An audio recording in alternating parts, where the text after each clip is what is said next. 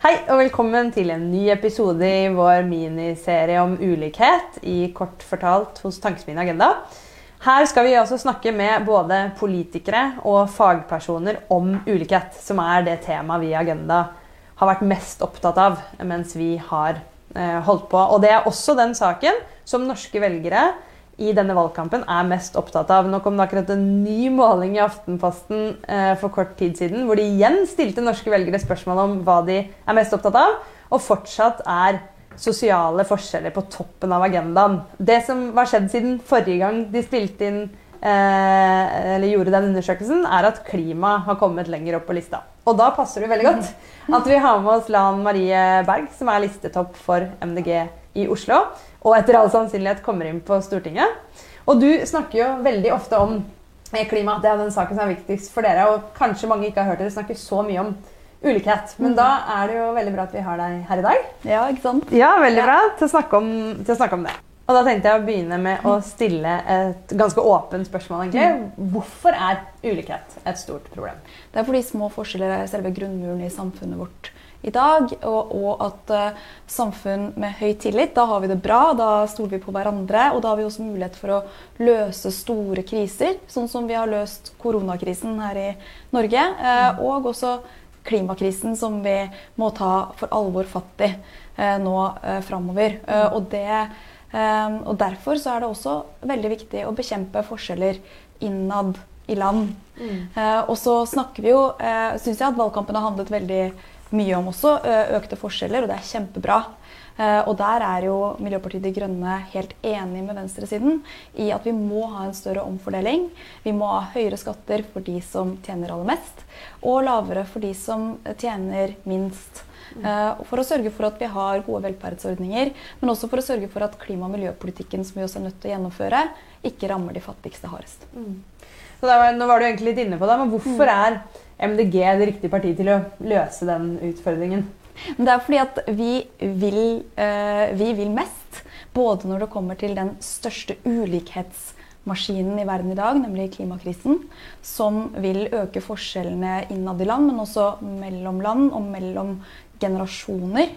Uh, og, uh, og fordi at vi Eh, vi dermed både vil ta tak i den største ulikhetsmaskinen, men også ønsker en eh, skarpere omfordeling i, i samfunnet i dag. Og nå har jo forskjellene økt under Erna Solberg.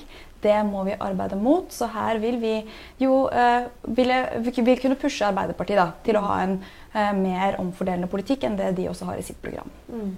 Mm. Altså Hvis man ser på forskningen så, og den kunnskapen vi har, så oppsummerer, hvis man oppsummerer den, så, så, peker det seg ut tre områder som er viktig å jobbe langs hvis mm. man skal redusere forskjeller. Det ene er jo arbeidsmarkedet og, og dette med vår sammenpressede lønnsstruktur, at vi har små lønnsforskjeller. Og det andre er velferdsstaten, at vi har omfordelende velferdsordninger. Mm. Så er det siste skattesystemet. Mm. Så hvis vi tar disse tre områdene hver for seg, da, hva tenker du er hva er MDGs politikk på arbeidslivet? Hva tenker du, hva er problemene der i dag? og hvordan vil dere jobbe kanskje spesielt med, med fagbevegelsen eh, for å sørge for å redusere forskjellene på det området?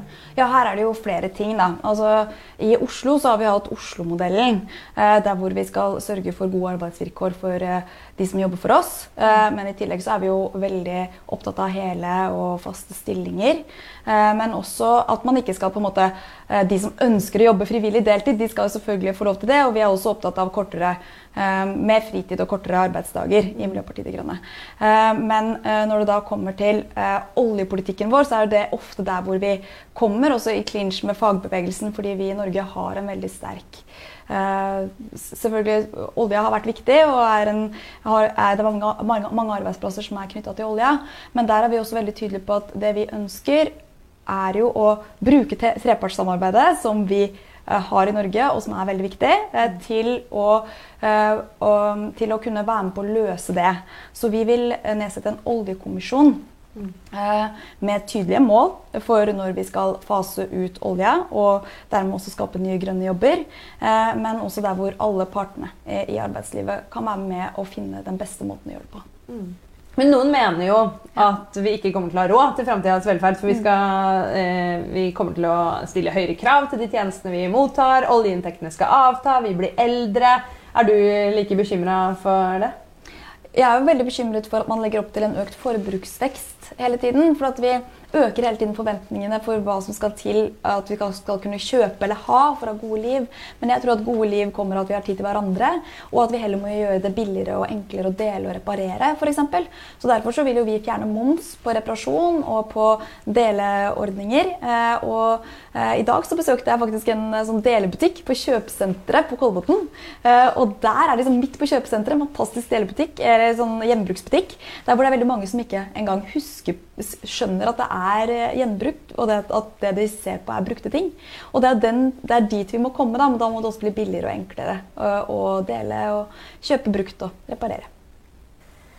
Eh, dere, du sa jo innledningsvis at dere også vil bruke skattesystemet til å omfordele mer. Hvordan ser dere for dere et nytt skattesystem? da? Ja, nei, det Vi vil er jo, vi har en om, mer omfordelende politikk enn det Arbeiderpartiet har. Vi ønsker å øke skattene for de som har mest, redusere dem for de som har minst. Så ønsker vi også øh, skatt på formue øh, og å få arveavgiften få arveavgift igjen på de høyeste eh, formuene.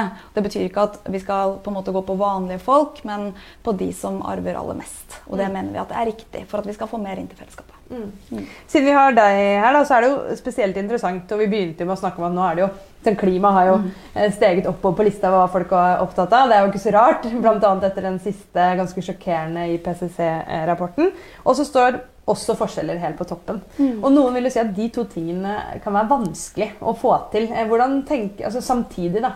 Hvordan, hva er liksom din analyse av den norske debatten her? Jeg synes nesten Den norske debatten blir litt sånn fordummende. For det er nesten som om fordeling skal skje over bensinpumpa, mm. men ikke over skatteseddelen. Mm. Og der mener jo vi at eh, fordeling må skje over skatteseddelen, sånn som vi har pleid å gjøre det her i Norge. Og så må miljøpolitikken få lov til å virke sånn som den skal virke. Og det betyr også at en del avgifter f.eks. på drivstoff, må bli høyere, sånn at vi får til den omstillingen som vi trenger. Men da vil vi bruke skattepolitikken sånn at det blir mer omfordeling, og at det da blir mer rettferdig til sammen. Eh, så, så det tror jeg på en måte er noen av de viktige tingene som vi trenger å gjøre. Og ting, noe, av det, noe, av det, jeg ofte tenker på da i den norske debatten, er at jeg føler at eh, debatten om ulikhet innad i, i Norge eh, den, i valgkampen, den har vi hatt på en veldig god måte. Og så syns jeg noen ganger at vi glemmer den solidariteten med andre land og ulikheten mellom Norge og andre land. Fordi det er jo de aller fattigste i verden som rammes hardest av klimakrisen. Det ser vi både, eh, både i Afrika og andre steder der hvor de aller fattigste bor. Det er de som rammes hardest, de har bidratt minst. Eh, og da blir det noen ganger også på en måte litt det blir litt unyansert å snakke om på en måte at vi skal bekjempe økte forskjeller, men at vi ikke tar tak i eh, de aller største forskjellene i verden. Mm. Og det siste er jo det opp, ungdomsopprøret som vi har sett, og de store kløftene egentlig mellom generasjonene. Der hvor det vokser opp en generasjon nå som hvor klimakrisen hele tiden har vært en overhengende trussel. Og hvor de føler at vi med vår livsstil i dag frarøver dem muligheten til å leve gode liv.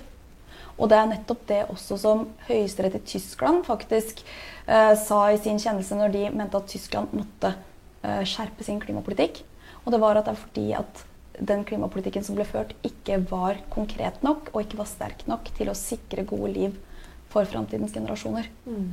Og det er på en måte de store det, det, det, er der jeg mener at Miljøpartiet De Grønne kanskje har den mest moderne forståelsen av solidaritetsbegrepet.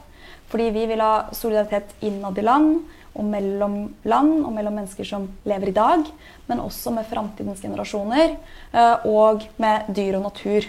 Som tar tak i de viktigste tingene som vi nå må håndtere i møte med klima- og naturkrisa. Mm.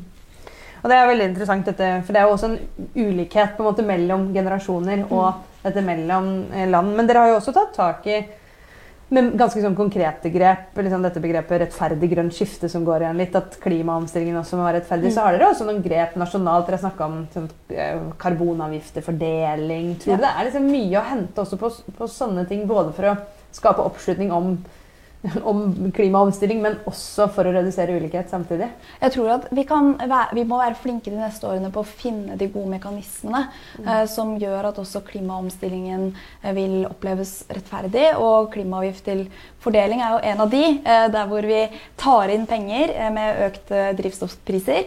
Og så vil vi dele dem flatt ut, sånn at de som, eh, de som har eh, kjørt minst, da, de vil få eh, sånn relativt sett mer, mens de som har kjørt mest vil fossilbil, de vil betale mer inn. Og så vil vi ha en distriktsprofil på det. Mm. Sånn at der hvor det er vanskelig å omstille seg, mm. der vil man da få relativt sett mer igjen. Da. Mm. Så det er jo én sånn mekanisme som i hvert fall vi ønsker å innføre, og som kan hjelpe til med den også tøffe omstillingen som vi nå skal igjennom. Mm. For det er en, en, sånn annen ulikhet vi ofte snakker om i Norge, er jo mellom distrikt og by og land. Og MDG får jo ofte en stempel på å være et byparti. Men dette er jo også da en måte mm. å løse opp i, i de forskjellene og, og, kompensere litt for de som ikke har like enkel mulighet til å omstille seg, som også bor rett ved T-banen, f.eks. i byene. Ikke sant? Og, men jeg tror at noe av det som er utfordrende har vært utfordringen for oss, er at vi har vært veldig sterke i byene. Vi har vært med på å styre i byene, sånn som vi har gjort i Oslo i seks år. Eh, og da eh, har bypolitikken vår kommet veldig tydelig fram. Og vi er jo et av de partiene kanskje som har en, en, den sterkeste bypolitikken, den tydeligste bypolitikken. Og så har ikke politikken vår for distriktene kommet like bra fram. Men det vi bl.a. gjør, det er at vi i Nasjonal transportplan kutter i de store og unødvendige motorveiene inn til byene. Og så bruker vi pengene på bedre hurtigladenett, på bedre vedlikehold av fylkesveiene, på mer rassikring og andre eh, tiltak som også er veldig viktige i distriktene. Mm. Um, hva, et, et sånt spørsmål jeg har stilt alle, og det er jo litt sånn tilbake til den debatten som du også påpeker har vært veldig sånn fokusert på internt i Norge, denne skattedebatten og sånn. Hva betyr liksom samfunnskontrakt for deg? For det er jo noe som har vært oppe til debatt etter at vi har hatt rike milliardærer som har klagd på skattesystemet og sånn. Hvordan, hvordan, tenker du det må se ut i et, i et land som vårt? da? Hvor viktig er det en sånn samfunnskontrakt? Og er det å bryte samfunnskontrakten når man på en måte ja, kritiserer det systemet basert på liksom, sin egen lommebok, sånn som noen av de rikeste har blitt kritisert for å gjøre? Ja, men det er jo, det er jo egentlig tilbake til det første spørsmålet ditt. Da, at det er tillit mellom folk er helt avgjørende mm. eh, i et samfunn. I Norge så har vi høy tillit mellom folk. Det har vært helt avgjørende når vi har skullet håndtere koronakrisen. Det vil være avgjørende uh, også framover. Og det betyr også at de som har mest, de må betale mer inn til fellesskapet. Uh, sånn at ikke ulikhetene uh, øker. så det er jo noe som vi i Miljøpartiet De Grønne er veldig opptatt av. Og jeg tror det er veldig viktig også for å sørge for at det limet i samfunnet holder. Mm.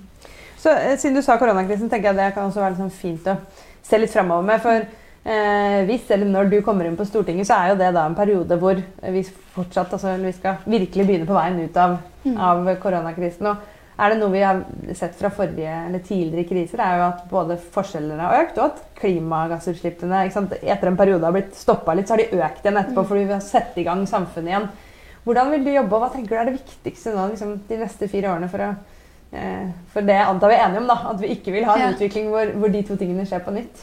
Ja, men jeg tror Det aller viktigste er å sørge for at uh, oppbyggingen etter korona blir grønn. Og det er jo der vi var veldig skuffet over den oljeskattepakken som kom i fjor. Uh, der hvor man utløser 100 milliarder i nye investeringer uh, i olje og gass. som vi Eh, som ikke er den veien vi, trenger, vi, vi, ønsker å gå, og som også utløser investeringer som kanskje tidligere ikke var lønnsomme. Mm. Og der er jeg veldig bekymret, også for framtidens velferd og framtidens arbeidsplasser. For nå sier jo til og med analytikerne i Det internasjonale energibyrået at det ikke er plass til utvikling av flere felt etter 2021. Uh, og da må vi i Norge også begynne å tenke oss om om vi egentlig da kaster bort masse penger uh, på arbeidsplasser som heller ikke vil være trygge i framtida hvis vi fortsetter å satse på olje istedenfor eh, de grønne arbeidsplassene. Så det er nok der på en måte, hvert fall jeg har vært de siste årene og vært bekymra. Ikke bare for det liksom, moralske perspektivet i klimadebatten, men også for det økonomiske perspektivet i Norge og framtidens velferd og arbeidsplasser. Mm. Tusen takk. Jeg tror vi har fått mange gode og litt annerledes perspektiver enn mange av de andre partiene på ulikhet, og spesielt på koblingen mellom ulikhet og klima. Så jeg sier tusen hjertelig takk til deg, og lykke til i valget.